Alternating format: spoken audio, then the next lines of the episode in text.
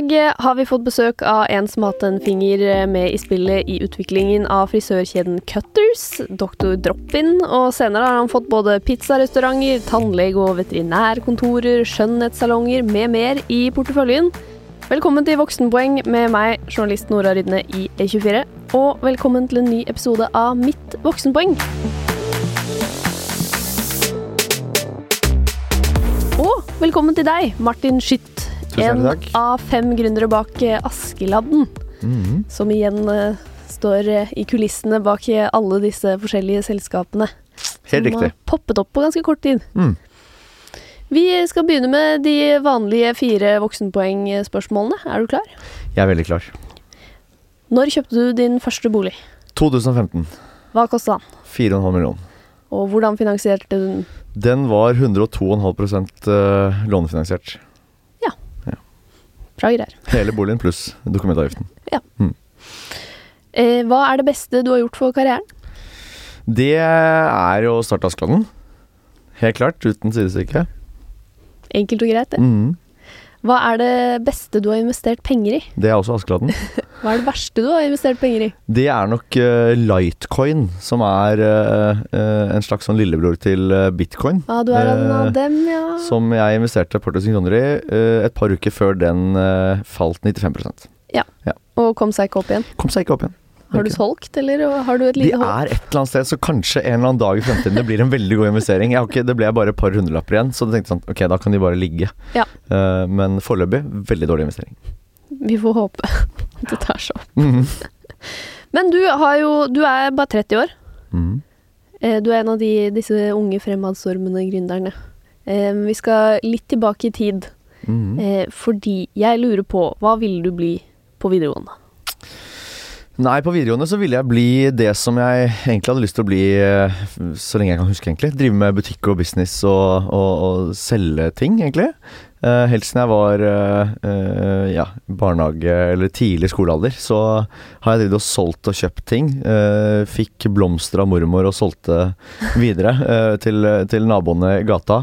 Etter hvert hjulpet folk med å fikse sykler og PC-er og mobiltelefoner og ja. Holdt på med det. Så holdt på med business hele livet. Så det var helt klart på videregående også at det var business jeg skulle drive med når jeg ble stor også. Visste mormor at de blomstene gikk til videresalg? Det er jeg litt usikker på, men observerte sikkert at jeg fikk uh, kjøpe ganske mye is på egen hånd. Så uh, hvor de pengene kom fra, kanskje hun la for sammen uh, to år, det vet jeg ikke. Ja, kommer det fra liksom, Kommer du fra en familie som holder på med business, eller Nei, egentlig dette- ikke. Eh, så sånn liksom hvor den urtanken kommer fra, eh, det vet jeg ikke. Eh, jeg har bare det, ja, Jeg oppdaget det på en eller annen, et eller annet tidspunkt at det er gøy å sette sammen en butikk som funker, og kunder er happy og man tjener penger, At det er liksom noe magi i det. Og så ja, så har det gått slag i slag siden. Så du er en kremmersjel? Det kan man sikkert si. Mm. For jeg skjønte at du Askeladden er ikke det første gründerprosjektet ditt. Nei. Du holdt på litt uh, på videregående også. Ja, så um, det startet sånn Det første ordentlige gründerkonseptet hvor vi hadde et selskap på full pakke, det var da jeg og en kompis uh, så frem mot russetiden og tenkte at hm, her kommer det til å gå veldig mye penger. Uh, vi hadde ikke sånn voldsomt bra betalte jobber, så vi måtte finne på noe annet. Og da startet vi en nettbutikk som da het jpx.no. Som solgte alt mulig rart av eh, kabler og gadgets og ulike ting til mobiltelefonen og PC-er og sånn. Og så uh, var det egentlig bare en speiling av en sånn kinesisk nettside hvor du kunne kjøpe alt mulig rør. Uh, så når kunder handlet hos oss, så gikk vi bare på dealextreme.com, og så handlet vi det i kundens navn, sendte det hjem i kundens postkasse, Uh, men da kjøpte det en helt annen pris selvfølgelig da enn det kunden hadde betalt til oss. Um, og det betalte for hele russetiden, eh, og vel så det, og så skjønte vi at da må vi jo fortsette med dette her, og tok med oss det inn i studietiden. Lagde etter hvert en proffere nettbutikk, eh, fikk eh, en ansatt og um, i det hele tatt ble et, eh, et selskap, da. som- Altså, den levde en stund. den levde en stund, og vi solgte det eh, etter at vi hadde holdt på med det noen år. Um, og nå er det dessverre lagt ned, så jeg vet ikke helt hva som har skjedd. Jeg sjekka det her i, i forgårs, men um, Ja. Nei, hva som har skjedd, vet jeg ikke. Men um, ja. Interessant. Var, da var du 18? Noe sånt noe. Ja, 17-18 da vi starta det, tenker jeg. Hvor kom den ideen fra? Nei, Det var han makkeren min, da, Anders, eh, som, eh, som hadde ideen. Han hadde kommet over noen sånne mobilklokker. Det var lenge før eh, Apple Watch og alt mulig rart, hvor man kunne ha et SIM-kort inni klokka og ringe med den og sånn. Så tenkte jeg at okay, det var kult å selge. Så det var det første produktet vi solgte. Og så på Deal Stream, hvor vi handlet den klokken, så var det veldig mange andre ting vi kunne selge også. Og da eh, endte vi opp med å selge det på den samme nettbutikken, da. Ja. Altså de gode tider før, uh, før folk begynte å bruke Wish og Alibaba selv. Ja, helt riktig. Så det er egentlig det samme som Wish og Alibaba, bare litt Bare sånn early days. Mm. Stemmer. Verst. Ok. Så det var det første, det første liksom ordentlige gründerprosjektet, da. Men det gikk jo bra. Ja, det var, det Det var jo- helt supert. Det var jo Vi ble jo ikke liksom kjemperike av det, men det var heller ikke poenget. Det er jo tilbake til den gleden i å sette opp en forretningsmodell som funker og, og gå med overskudd. Og så var det ikke noe voldsomt overskudd, men i en student- eh, og, og skolehverdag så var det mm, mer enn bra nok, syns vi, da. Ja. Ble det buss og hele pakka, da? Det ble buss og full pakke. Ja. Nice. Og så hørte jeg også at det eksisterte noe som het stek.no. Helt riktig. Så vi Jeg og han Anders, da, var, vi, vi var liksom makkere i, i mange, mange år. eh, Og eh, var veldig sånn opportunistiske etter hvert som, som muligheter bøy seg. Um, en av de var stek.no, som var en Altså Det var salg av noen singleter hvor det sto 'stek, stek, stek, stek' på, i forskjellige farger. Og det, eh, det stammer fra at eh, Carl Eliassen, som vant Paradise Hotel i 2010 eller noe sånt nå, gikk med en sånn singlet uh, på Paradise Hotel, og så begynte en del folk på nettet å skrive sånn «Ah, 'Hvor er det han har kjøpt den, den singleten?' og sånn. tenkte jeg fader, den der, det skal vi selge. Og da var det noen andre bekjente av meg som hadde solgt den singleten, altså akkurat den singleten som Carl gikk med på Paradise Hotel. Den hadde de solgt til han for noen shots i baren på Magaluf for noen år tidligere. Og de hadde både designet den, eh, den, eh, den singleten, og kom til meg og Anders og tenkte hm, de gutta der kan neppedikk, la oss eh, sette opp en neppedikk. Og da ble det stek.no, hvor vi solgte disse singletene. Så uh, det er nok en del tusen mennesker som enten har hatt eller har en sånn T-skjorte rundt omkring, som, um, som kommer fra vår nettbutikk. Hvor, hvor lenge varte den? Nei, det var ikke så veldig lenge, altså. Det var, det var et år, kanskje. Og så har vi beholdt eh, Hæ? Der stek var inn. Da var Stek veldig inn. Og så beholdt vi domenet en stund. Tenkte sånn, Det må være noen folk fra Bærum som er keen på det domenet. Har liksom eh, martin.stek.no som mail. Men det, mm, det har vi aldri fått solgt, så det er også borte. Ja, det Å ja, dere har Eller sitter du fortsatt på det domenet? Nei, nei. Det er altså Det er bare forsvant. Det Ja, kom til et tidspunkt hvor jeg ikke gadd å styre med det. Det Ja. koster ikke så veldig mye penger, men eh, nei. Noen andre får får glede av det. Så stek.no tror jeg er ledig. Løp og kjøp. Løp og kjøp. Yes. Men det var jo altså vellykka prosjekter. Jeg regner med at dere lærte en del av det? Ja, masse. Jeg tror jo det viktigste vi lærte av de prosjektene, er at eh, det går an. Man må ikke være liksom superutdannet ha masse erfaring. Det er bare å prøve. Det er ikke så vanskelig på en måte å selge en ting for litt mer enn du kjøpte den for. Sette det inn i et eller annet system. Eh, og det var den største eh, læringen. Og så er det selvfølgelig masse sånn konkrete læringer rundt formalia og regnskap og, Mm. og alt den, den biten der, og liksom drift av et selskap. Um, men så var det jo på såpass enkelt nivå at det, driften og så videre var jo veldig lite kompleks. Så det var liksom Det var meg og Anders og, og, en, uh, og en til som, som holdt på med det. Men um, kjempelærerikt å bare få den der uh, Litt den konfidensen om at det funker. Det går an å gjøre det selv, da. Men da kunne du jo egentlig bare fortsatt eh, på gründersporet, men du gjorde ikke det. Tok en liten pause. Ja, eh, begynte å studere da. Gikk på Handelshøyskolen i Bergen. Eh, Og det var egentlig planen hele veien At jeg skulle studere. Og så eh, så jeg egentlig på det som en litt sånn fast track På læringsreisen egentlig. Og var jo klar for å sitte på lesesalen i fem år På, på NHH For å liksom suge til meg alt det var av kunnskap der. Og så så jeg vel på NHH ganske fort At det som er enda morsommere enn å studere Det er å være aktiv i studentforeninger Ja, det er mange som uh, finner ut det. ja, så var involvert i alt mulig rart av ulike studentforeninger. Startet også uh, Norges største studentidrettsfestival, Bergen Challenge, uh, sammen med en, en stor gjeng. Um, og, og fant bare enormt mye glede i det, og så den verdien av engasjement. Fordi ikke sant, Der jobber jo masse studenter gratis, og får likevel til veldig veldig mye. Og inn i Askeladden-sfæren så er jo engasjement helt avgjørende. Det er mennesker hos oss som jobber knallhardt, ikke gir seg, kjører på. Og det, eh, det er egentlig eh, engasjement. Det er det som ligger i, i bunnen. Så um, ordentlig bra læring om engasjement, selv om jeg trodde det skulle være en læring om business, og så var det sikkert litt det òg, da. Men Ja. ja, for Bergen Challenge finnes fortsatt, gjør det ikke? det finnes fortsatt. Ja. Dessverre korona utsatt i år, da. Men ja, men ja det finnes fortsatt. Arrangeres nå eh, Skulle blitt arrangert nå for eh, syvende gang. Eh, eller sjette? Syvende? Ja. Har du ja, fortsatt en finger med i spillet, eller har du overlatt det Ja, vi er veldig aktiv sånn alumnigruppe, da. Ja. Så vi, eh, vi skulle egentlig nå over nå til helgen for å være med på feiringen, og så har vi en sånn um, eh, annen sånn alumnisamling med alle, alle sammen. Men jeg er veldig lite involvert i liksom hvordan det der skal utformes. Det Ja. stoler jeg veldig på at det styret som sitter til enhver tid, klarer bra. Men du greide å fullføre, da. På NHH? Ja, du ble siviløkonom. Ja, jeg ble, ble siviløkonom. Jeg ble det, altså. Det tok eh, et halvt år eh, for lenge, Ja, men, det eh, skjer jo. men det gikk fint, altså. Det gjorde det. Ja. Det var ganske stor arbeidskapasitet, mistenker jeg. Uh, ja, det, det har jeg sikkert, sånn uh, sammenlignet med, med snittet. Men uh, for meg så er det sånn Arbeidskapasitet er spørsmålet for meg, men hva er arbeid? Når man driver med, hvis man driver med ting man er engasjert i, så er det for meg ikke arbeid på samme måte. Det er bare en helt integrert del av livet. Det jeg gjør med Askeladden er en helt integrert del av livet. Det jeg gjorde på NHH eh, og disse gründerprosjektene var en helt integrert del av livet. Og det var liksom ikke 'nå går jeg på jobb'. For hvis, jeg, Mm. hvis du ser på det som at nå går du på jobb, og så gleder du deg til å dra hjem klokken fire, så tror jeg du begynner å tenke på okay, men hvor mange timers arbeidskapasitet har jeg. Mens dette er like mye en hobby som en, eh, som en jobb, og da tror jeg man automatisk får ja, det man ville kalt mer arbeidskapasitet. Ja. Nettopp. Mm. Og så gikk du ikke rett på gründer Men altså, når du studerte, lå det fortsatt eh, i kortene at sånn når jeg er ferdig her, så skal jeg bli gründer? Ja, jeg tenkte, jeg tenkte det på Altså at jeg skulle gjøre det på et eller annet tidspunkt. Ja. Bli eh, gründer. Og så ble jeg jo veldig sånn wowet av alle de kule selskapene som kom og hadde bedriftspresentasjon på NHH.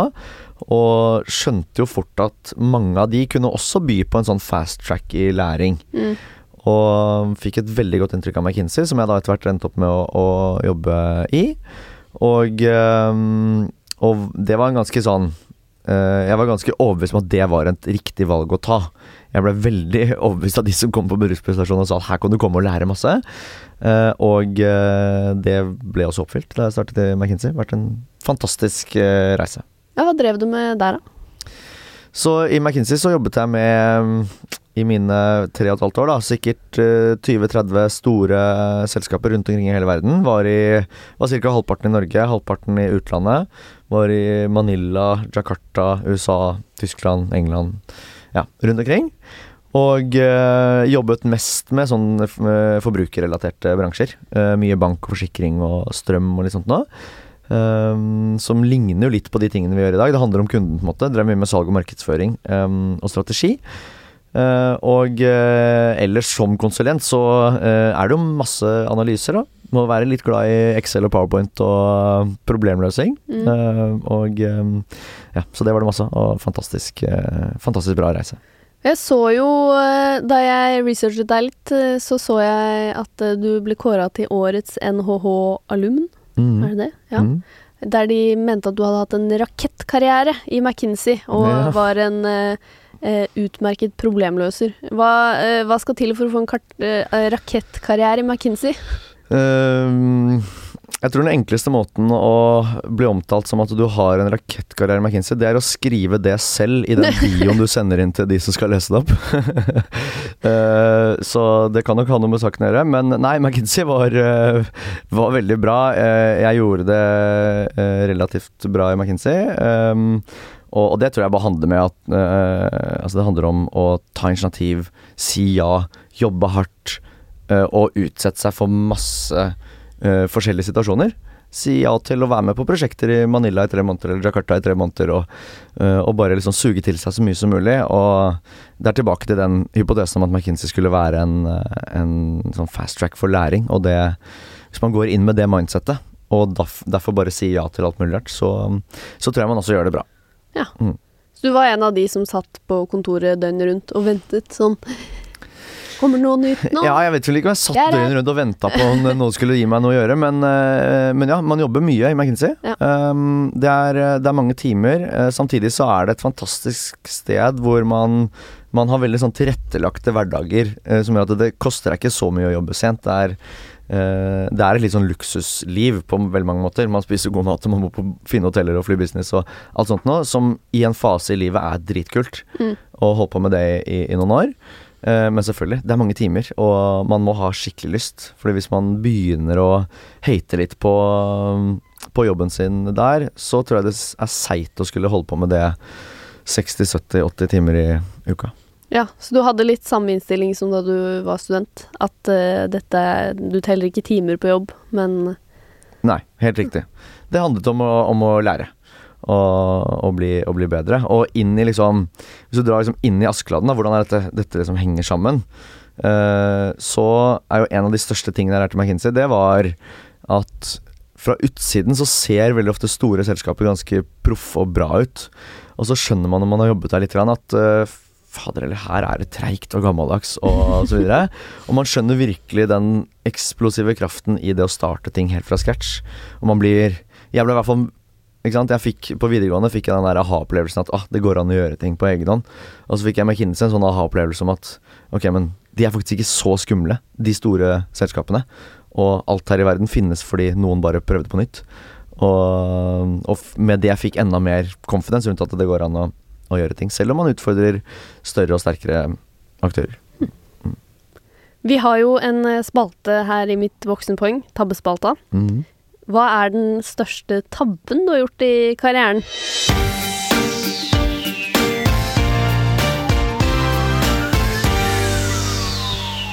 Her må du kanskje lete litt. jeg vet ikke, Det høres ut som en veldig sånn smooth karriere. Ja, ja det, er, det er ikke noe sånn store blemmer sånn gått personlig konkurs og sittet i fengsel og sånn. Det har jeg ennå ikke gjort. Ikke enda. ennå? Kan fort hende at det, Ja. det kommer. Forhåpentligvis ikke fengsel, det er jeg veldig lite interessert i. Eh, men ehm, Nei, eh, hvis jeg skulle grave litt, altså, eh, altså På generelt grunnlag så er jeg ikke sånn voldsomt tabbefokusert. Jeg tenker at alt eh, som har skjedd, både positivt og negativt, det har på en måte eh, ledet til at eh, jeg og vi er der vi er i dag, og det er et veldig bra sted. Så sånn sett er ganske happy. Men ehm, noen sånn Det blir jo litt sånn konkrete ting, da. Det er én ting med Askeladden, eksempel, som I Askeladden har vi masse investorer, og vi eh, I fjor høst gjorde vi en ganske stor kapitalrunde, hentet noen titalls millioner kroner. Og så satte vi opp det instrumentet som et, noe som heter eh, konvertibelt lån, som gjør at de investerer, og så konverterer Altså de låner oss penger, og så konverteres lånet til aksjer senere. Men det gjør at de investorene som har gitt oss det lånet, de, inn, de har lyst til at alle selskapene våre skal bli så lite verdt som overhodet mulig fram til den konverteringen, fordi da får de så stor andel som mulig. Så vi har nå i ett år nå, da, og skal i et halvt år til, være uenige med investorene våre, ganske mange av de i hvert fall, om hvor mye selskapet skal være verdt. Og de vil at selskapet skal være så lite verdt som mulig, og det gir en veldig kjip dynamikk med investorene. Ja. Så vi tenkte at det var dritlurt da vi Ikke på det initiativet, men tenkte på at en andre elementet med konvertibellån var bra. Um, så det var en tabbe. Det skal vi aldri gjøre igjen. Um, og så er det en annen en som var uh, at uh, Cutters holdt på å gå konkurs uh, for et par år siden. Eh, fordi vi hadde brukt alle feriepengene til frisørene på å bygge salonger. Uh, og mm, det Sånn i retrospekt så var det en god øvelse, sikkert, fordi det gikk jo fint. Men det gjorde at vi måtte låne inn en del privat kapital inn for å betale feriepenger. For vi kom til mai og tenkte hm, du, hvor er de der penga til eh, feriepenger? De er satt opp på egen konto, ikke sant? Um, nei, de er bygget salonger for. Så de har vi ikke. Så da måtte vi skaffe det. Men eh, det også ordnet seg jo, så um, det eh, var jo kanskje en, en lur avgjørelse likevel. Men eh, ja, følte oss litt dumme Fikk litt puls. Fikk litt puls akkurat da. Det hadde vært veldig dumt hvis Cutters gikk konkurs akkurat da.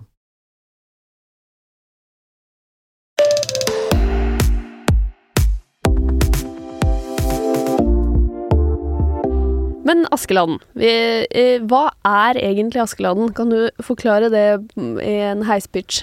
I en heispitch eh, så er Askeladden et selskap som starter selskaper. Mm. Det er den aller korteste måten å beskrive det på. Og um, måten vi gjør det på, det er at uh, vi gjennom et uh, år, eller egentlig hele, hele tiden, så bruker vi ganske mye tid og ressurser på å analysere veldig mange bransjer. Kanskje 100 bransjer i året. Mm. så prøver vi å finne bransjer hvor vi litt enkelt sagt tror vi kan gjøre noe positivt for kunden, gjerne de ansatte, og samtidig tjene penger på det. Og når vi har funnet en bransje som matcher med de kriteriene vi har, så eh, går vi ut og rekrutterer en daglig leder. Eh, en råflink, eh, driftig og sulten person. Eh, og så gjør vi alt det vi kan for å hjelpe den personen i å utvikle et konsept som passer bra til den bransjen, og eh, lansere og skalere eh, sitt selskap.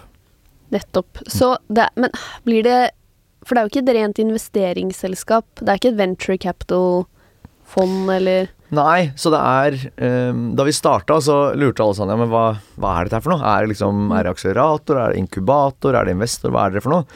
Og vi har elementer av alle de, uh, men vi er ingen av de heller, på en måte uh, bare de, i hvert fall. Og vi har ikke funnet noen selskaper rundt omkring som gjør akkurat det samme som Askeladden. Det nærmeste vi kommer, er et selskap som heter Rocket Internet eh, i Tyskland. Um, men uh, Askeladden-modellen i seg selv er en oppfinnelse. I motsetning til veldig mange av selskapene vi starter. Vi er veldig opptatt av denne forskjellen på oppfinnelser og innovasjon når vi skal starte selskaper. Uh, mens, så mens selskapene våre går inn i etablerte bransjer, så er Askeladden en, en ny måte å, å drive business på.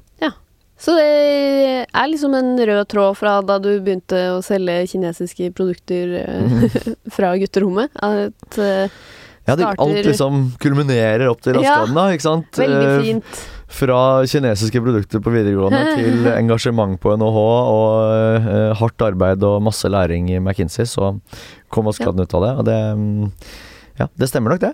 Ja, starte liksom noe som ikke er helt nytt, men som likevel blir lønnsomt. Det må jo være målet. Men Askeladden startet Altså, når, når kom ideen? Du har startet med fire andre. Fem andre. Så Fem andre. vi var um, eh, Ideen den kom i 2016. Og da hadde uh, en kollega av meg fra McKinsey, hans bror og et par andre, de hadde investert i Cutters. Og vært med på det helt fra det bare var én salong. Og så skjønte de fort, og så kom jeg etter hvert inn i samtalen, og så diskuterte vi at fader heller, dette funker jævlig bra. Altså Cutters i seg selv fungerer veldig bra, eh, men også arbeidsmodellen i det at vi var da seks personer som hjalp Christian og Andrea, som er gründerne av Cutters, eh, med å løfte blikket litt, eh, gjøre noen analyser, litt lokasjoner, tech, marketing osv. Og, så og det gjorde at farten til Cutters ble en helt annen enn den kanskje hadde vært hvis det bare hadde vært Christian og Andreas. Og så tenkte vi da at fader heller, denne modellen og måten å jobbe på er veldig kul. Så dette burde vi eh, prøve å sette i system, og, og gå inn i flere bransjer litt mer systematisk.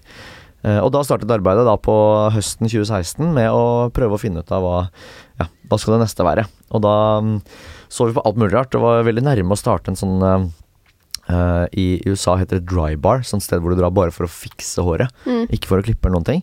Det var liksom en kul greie. Og så endte vi heldigvis opp med å gå for um, legebesøk istedenfor, da, som det, som det første. Ja, Mm. Som ble Dr. Drop-In. Som ble Dr. Drop-in. Helt Og riktig. nå har dere hvor mange forskjellige selskaper? Så nå har vi ansatt daglig leder til vårt selskap nummer 16. Ja. uh, og så er det ikke alle som er lansert. Altså det er ni stykker som er lansert uh, nå. Uh, men ja, 16 stykker. Kommer et par til nå mot slutten av året. Eh, mange neste år. Prøver å, prøver å starte en sånn tre til fem, kanskje litt flere, i, i året. Ja, det er nok jobb, det. Ja, det er det. Men uh, Hvor kom navnet fra, forresten? Askeladden? Askeladden ehm, Altså Først skulle Askeladden hete Flash Ventures. Ehm, kan tenke deg noe så harry. Uh, det, og det var fordi det skulle gå så fort. Og liksom, Ja, ja. ja, eh, og, og var kanskje bitte litt påvirket av sånn Det var liksom Det var veldig sånn startup-hype eh, for noen år siden. Det er fortsatt det i og for seg, men, men det var enda mer da. Um, ja, kult med Flash Ventures osv. Mm. Men eh, nei, heldigvis ble det Askeladden, og det er bare fordi vi sto i møterommet oppe hos oss og tenkte hva faen skal dette for noe, skal hete for noe? Uh, og hva skal vi gjøre? Jo, vi skal ut på eventyr, vi skal hjelpe folk, vi skal være litt, uh, litt blåøyde uh, og, og vennlige inn i dette her. eh, og, og skape en reise for oss selv, men også med mange andre. Um, og hvem gjør det? Jo, det gjør Askeladden. Så, så der kom navnet.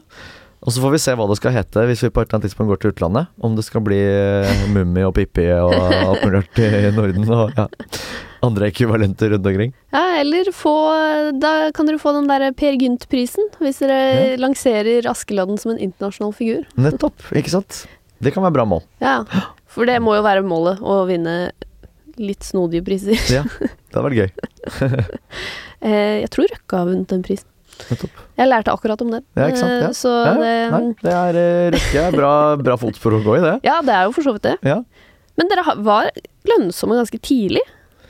Nesten sånn uh, uvanlig tidlig for et startup-prosjekt, eller tar jeg feil da? Ja, nei, Det kommer litt uh, an på hvilke selskaper du ser på, og uh, Ja, for jeg har vært gjennom den selskapslista di, og den er slitsom. Ja, på vegne av alle er journalister vil vi be deg om å samle noen selskaper. ja, ja, den er jo litt sånn vrien. Eh, går du inn på Proff, så tror jeg det står at jeg har roller i liksom 45 selskaper. Eller Ja. sånt, så det er, men det er fordi vi har en litt sånn kompleks eh, struktur på alt sammen, av litt sånn diverse årsaker. Men, um, men det er jo da 16 selskaper pluss Askeladden i seg selv da, som er et selskap.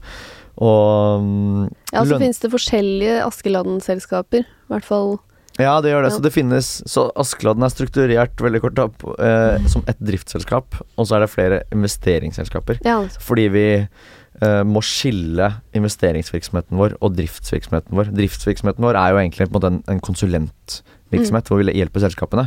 Og så er det en investeringsarm, og så er det tilfeldigvis de samme eierne av de to selskapene. Men det er bare litt sånn, ja, ulike årsaker til hvorfor vi må splitte det. Men eh, nei, altså eh, Det er veldig viktig for oss å lage selskaper som tjener penger fort. Og eh, vi har, ønsker å være litt et motsvar til det at eh, i dag så er det helt ok å tape milliarder av penger i mange, mange, mange år. Og vi er litt sånn spørrende til om det er riktig. Det kan godt hende det er riktig for noen selskaper, hvor det er veldig sånn winner takes it all-markeder, og man må, man må investere i mange år for å på en måte ta en posisjon og sånn. Men når det plutselig blir vanlig for folk som skal starte en uh, frisørsalong, så blir det helt feil. Fordi en frisørsalong har ikke noe fundamentals som gjør at man mm, trenger å tape penger i mange år. Du må tjene penger med en gang. Og hvis du ser på de selskapene vi er inne i, så er det jo veldig sånn er, Nå er det mye tjenester og mye servering. Det er ingen grunn til at det skal gå veldig lang tid før de tjener penger. Men selvfølgelig, hvert eneste selskap, eller hver eneste lokasjon i et selskap, nå har vi mye lokasjoner, um, har jo en ramp-up-fase. Hvor de starter jo med at ingen har peiling på hva dette her er for noe. Og så går det noen måneder, og så kommer det flere og flere folk. Og litt forskjellig fra selskap til selskap, så tar det ganske lang tid før man kommer opp til et nivå hvor man på er på et stabilt inntektsnivå. Uh, med Cutter så tar det ca. ett til halvannet år, med Dr. Drop-In tar det to-tre år. Uh, med serveringskonseptene våre så forventer jeg at det tar kortere tid fordi man, blir, man er relevant for målgruppen så veldig mye fortere. Um, men det gjør også at vi må bare se at når vi beveger oss oppover den kurven, så går vi i retning av noe som kommer til å bli lønnsomt. Men på totalnivå, når du legger på Ta Dr. Robin, da. Så legger du på veldig mange klinikker. Snittklinikken i Dr. Robin er ca. ett år gammel. Og en klinikk som er ett år gammel, har ikke begynt å tjene penger ennå. Men vi har jo mange klinikker som er eldre enn det, som tjener penger. Og de klinikkene som nå er bare to måneder gamle, som ennå ikke tjener penger, de vet vi at kommer til å tjene penger de, hvis de følger den samme kurven. Og nå begynner vi å se at det, det gjør de aller, aller fleste. Uh, så det ligger helt i, i, liksom, helt i, i grunnmuren til, til Askeland. Det er å, å lage selskaper som tjener penger ganske fort. Så det er sånn dere har fått til. Altså, dere er lønnsomme nå? Ja, altså det kommer an på hvordan du ser på det. Fordi Askeladden i seg selv er et selskap. Vi er lønnsomme. Uh, Dr. Drop-In uh, er jo også sitt eget selskap. Er uh, lønnsomme på klinikknivå, men ikke på totalnivå. Ja. Uh, Cutters er lønnsomme helt på topp, eller helt på bunn. Uh, de andre selskapene er ikke lønnsomme helt på totalnivå. Ok. Uh, men Men de er, jo, de er jo selvstendige enheter, ikke sant? så de, de har jo sin egen funding og sin egen, sin egen reise. Mm. Så det er ingen, det er ingen kryssubsidiering, holdt jeg på å si. Det er ingen Vi kan ikke si at vi på totalnivå er lønnsomme eller ikke lønnsomme. Du må på en måte se det per selskap. Men uh, de aller fleste selskapene er jo ikke lønnsomme på totalnivå. Men de har en underliggende lønnsomhet som vi da vet at kommer til å bli lønnsom på totalnivå over tid. Nettopp. Men hva, hva er det som har gjort at dere har lykkes som selskap? Altså Veldig mange startuper dør jo eh, ganske fort. Hvorfor, har dere noen eh, nøkkelting dere har gjort som har gjort at dere har greid å overleve lenge og bygge ut nye selskaper og Ja. fortsette å skalere opp? Um, det er mange uh, underliggende årsaker til det. Og så tror jeg det aller, aller viktigste, det handler om folk. Eh, vi har vært veldig heldige og klart å tiltrekke oss veldig, veldig flinke folk. Altså de, de fem som var med meg og starta Askeladden, de er superflinke og har en divers bakgrunn. Eh, vi fikk eh, fort på et par ekstra partnere. Vi har dritflinke tech-folk, dritflinke marketingfolk. dritflinke folk på finans og regnskap osv. i Askeladden. Og i tillegg så har vi klart å tiltrekke oss daglige ledere og CEOs for de ulike selskapene våre, som også er dritflinke. Så eh, på kontoret vårt altså sitter det 50-60 dritsultne, flinke folk, og det gjør at min jobb som daglig leder her er en veldig enkel jobb, sånn på menneskesiden. Fordi flinke folk får til veldig mye, eh, og, det er liksom nøkkelen til alt. Eh, og så er det selvfølgelig en del underliggende ting. Jeg var innom dette med, med at vi ikke driver med oppfinnelser, vi driver med innovasjon i eksisterende ting. Eh, årsak nummer én til at startups feiler, det er at de lager ting som ingen vil ha. De driver med oppfinnelser, og, og, det er klart at da All honnør til det, fordi ut fra det så kommer det masse bra som verden har bruk for. Og så kommer det masse som verden ikke har bruk for, da. Men øhm, på totalnivå er det fint, men for meg som person som skal starte selskap, så vil jeg mye heller ta noe som allerede eksisterer, og gjøre det litt bedre, for det har en helt annen risikoprofil. Så det er nok én sånn viktig uh, tanke når vi går inn i dette, at vi, vi går inn i etablerte bransjer. Og så er det sikkert masse andre, andre ting, men uh, folk er helt klart viktigst, altså. Hvor får dere tak i disse flinke folka? Det er øh, veldig mye via via. Så veldig mye headhunting. Det er det vi gjør for de aller, aller fleste. Uh, og så er det selvfølgelig noe finn.no og sånn helt sånn klassiske kanaler. Men uh, nei, det er å lete, i, um, lete uh, i, de stedene hvor vi vet det er bra mennesker. snakke med folk som vi allerede Enten som allerede jobber hos oss, eller som vi vet er flinke. Høre hei, du kjenner du noen som kunne tenke seg å være med på et eventyr? Og så får man ofte noen navn, og så har vi masse samtaler. Men um, det er selvfølgelig en lang prosess, da. Jeg prater med Nå er det jeg som holder rekruttering av daglig leder, og vi, vi prater med uh, ca. 30-40 mennesker per daglig leder vi ansetter. Ja. Så det er jo en lang, lang prosess, og, og en omfattende prosess som tar mye tid. Men det er også fordi vi vil at den personen som kommer ut igjen, den skal være superriktig for jobben. Ja, ja, for det er mange flere enn normalt kanskje som man intervjuer til en lederjobb? Det veit jeg ikke, men ja, det er mange. Jeg syns det er mange i hvert fall. Mange, ja. Uh, så ja, men, men, det er helt klart verdt det. Og så um, kan jeg nevne én ting, da, med hvor vi tar de fra, som du spurte om. Så er det jo Um, vi har et viktig prinsipp hos oss, som er at vi ikke uh, Vi helst ikke vil ha bransjefolk okay. i uh, bresjen for selskapene våre. Altså ikke fra den bransjen det selskapet skal inn i? Helt riktig. Så eneste unntaket er Daniel i Dr. Robin. Han er lege. Ja, det er litt eh, avgjørende, kanskje. Ja, så vi tenkte at det var liksom bra når vi skulle starte lege, da. Um, og så uh, er Daniel en super open-minded, fremadstormende og liksom fremoverlent type.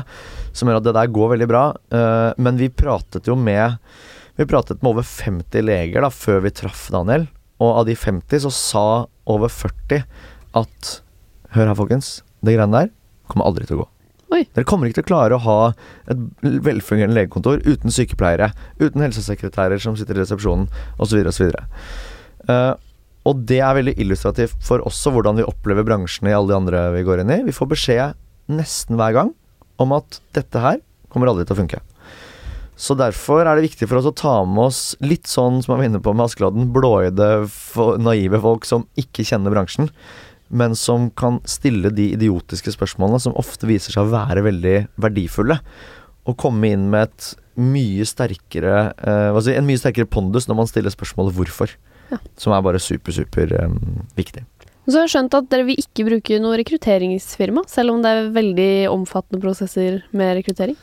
Ja, og det, vi bruker rekrutteringsfirma til noe. Uh, vi bruker det til litt tech f.eks., men det er kanskje det stopper der. Uh, og det er fordi at rekruttering er det er, liksom, det er en kjernefunksjon i det vi driver med. Det er helt avgjørende. Uh, og derfor uh, syns vi det er viktig å, å, måte gjøre det selv. Uh, og det hadde sikkert vært mye bra support i et rekrutteringsfirma, men uh, PTS har jo valgt å si nei til, til, alle sammen, fordi det er så viktig å gjøre det selv. Mm. Mm. Og da ser dere på Altså, de må på en måte passe inn. Er det noe du tenker på, at det skal funke i teamet? Uh, ja, men det er jo litt sånn farlig å fokusere for mye på det, for da blir det veldig mye like folk. Så vi er jo glad i at det skal være litt divers, uh, divers gjeng, da. Um, og så vil nok mange si at fra utsiden så er vi ikke så divers. Det er, uh, det er mye økonomer uh, og mye tidligere konsulenter, men vi har også vi har uh, som daglig leder, da, så har vi Det er noen som er Altså Daniel er lege, vi har en markedsfører, vi har en tidligere marinjeger. ja, litt sånn forskjellig. men så, det, så vi prøver å gjøre det litt verst, og selvfølgelig med kjønnene. Vi har 40% kvinner ca. som daglig ledere. Selvfølgelig viktig. Um, og det er liksom Alt det som står på papiret ditt, er egentlig ikke så viktig. Det viktigste er at du har jævlig lyst og masse drive og evnen til å ikke gi deg, ikke ta et nei for et nei, og gi bånn gass. Det er det viktigste. Fordi har du det, så kan vi fikse nesten alt annet.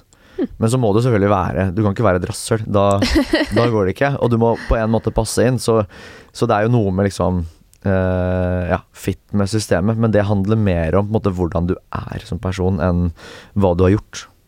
Mm. Ok, Så det er en av nøklene der, med at dere har holdt litt på rekrutteringsprosessen selv? Selv når dere har blitt ganske store?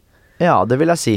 Hm. Det vil jeg si. Det, for det er viktig at man liksom Det er så jævlig viktig at vi treffer på de tingene vi er på jakt etter. Så vi, jeg, jeg tør ikke å, å, på en måte outsource det til, til det. Og så tror, jeg, så tror jeg folk som er i prosessen med oss også får et mye bedre inntrykk av oss når det er vi som gjør rekruttering. Det viser også at vi tar dette skikkelig på alvor. Mm. Og vi bruker ja, mange, mange, mange mange hundre timer på det i løpet av uh, året. Og det er verdt det?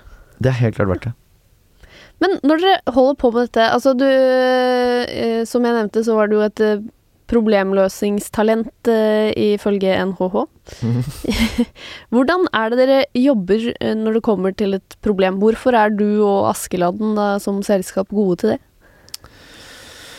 Uh, det er nok et mangefasettert svar på hvorfor Askeland er gode på å løse problemer. Uh, men uh, jeg tror det igjen handler om folka, da, som, som er på en måte oppegående, smarte, flinke folk.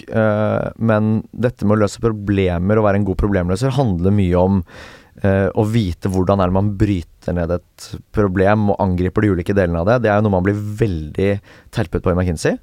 Og, og antageligvis i andre konsulenthus også. Men, men det er på en måte det er på en måte måten å øh, å gjøre fast track McKinsey på. Det var veldig god problemløsning. Det er på en måte det viktigste elementet. Og, da, og det er derfor øh, hos oss, f.eks. når vi intervjuer, så er det jo en personlig bit på alle intervjuene, men, men, det er på en måte mest fokus på hvordan det er du angriper et problem. Vi har, en, vi har et case-intervju med både daglige ledere og interns og alt mulig rart. Um, fordi dette med å løse problemer er så veldig viktig. Og det er nok dels noe man kan lære, metodikken med å bryte ned det problemet osv. Um, og så er det dels noe man noen på en måte har i seg, tror jeg, og ja. andre ikke. Noe man liker å drive med. Ja, og så tror jeg det handler litt om holdning også. Og vi er jo på jakt etter den holdningen som sier at selv om jeg ikke har peiling på dette uh, problemet eller denne bransjen, så kan jeg gjøre det likevel. Og, uh, og, det er nok ganske mange som da sier sånn altså Med en gang de får et problem presentert for deg, så sier de til, til seg selv at ja, men du, dette kan jeg ikke noe om, så da gidder jeg ikke prøve engang. Mens jeg opplever at hvis du prøver, hvis du bare gidder, så kommer du fram til et ganske fornuftig løsning øh, i 90% av tilfellene. Og så får du noen ganger innse at ok, dette her trengte jeg faktisk å kunne masse om, og jeg hadde ikke peiling, så greit, jeg får spørre noen andre. Men øh, de fleste problemer lar seg ordne hvis du bare gidder å prøve, altså.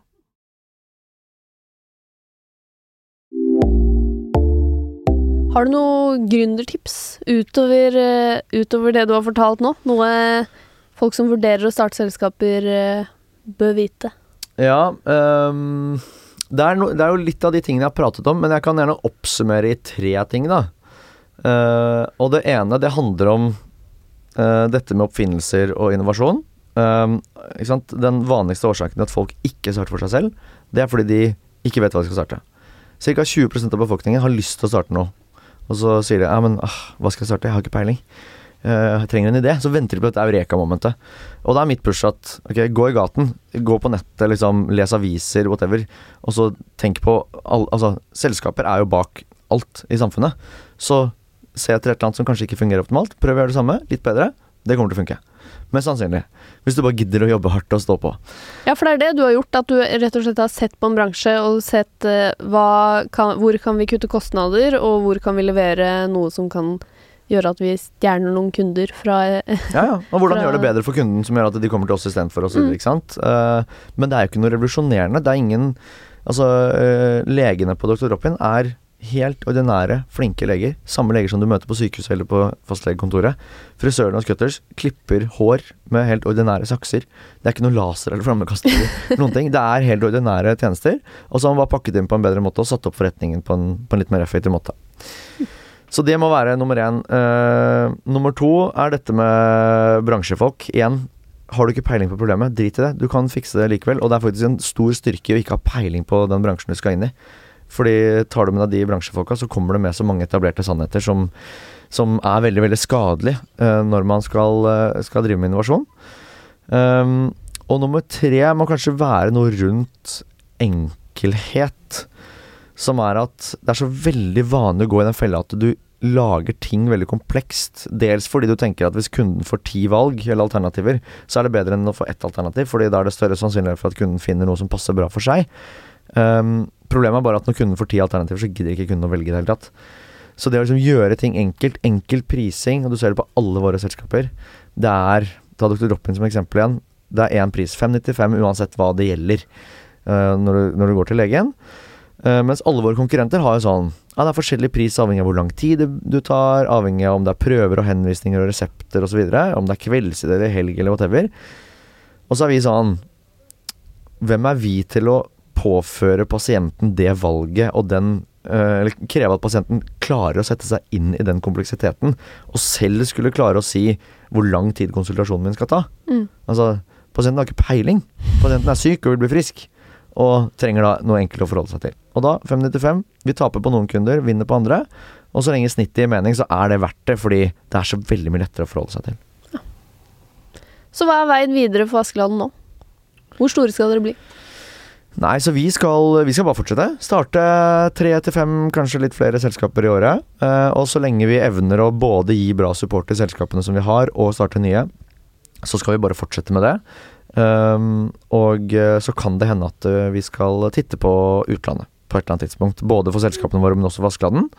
Uh, fordi vi tenker at det å gå inn i etablerte bransjer som ikke helt fungerer, det må det vel finnes potensial for, også utenfor landets grenser. Så skal nok ikke se bort fra at det kommer en, um, en Askeladden ut på uh, kontinentet på et eller annet tidspunkt. Ja, og der tar du imot uh, tips på navn? På navn, ja. The international names. Hva er liksom det tyske Askeladden? Det er det bare å sende vår vei. Mm. Her må dere jobbe. Mm. Siste faste spørsmål her.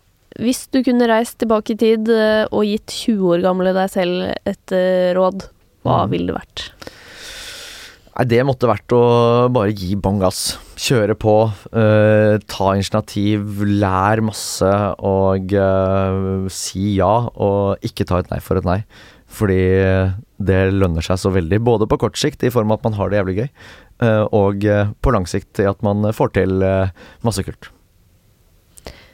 Ok, så hvis jeg skal oppsummere hva vi kan ta med oss da av din karrierevei, så må det bli det siste du sier der, da. Mm prøve å bare suge til deg så mye, selv, uh, mye info og kunnskap og lærdom du kan. Ja. Av alle du møter. Ja.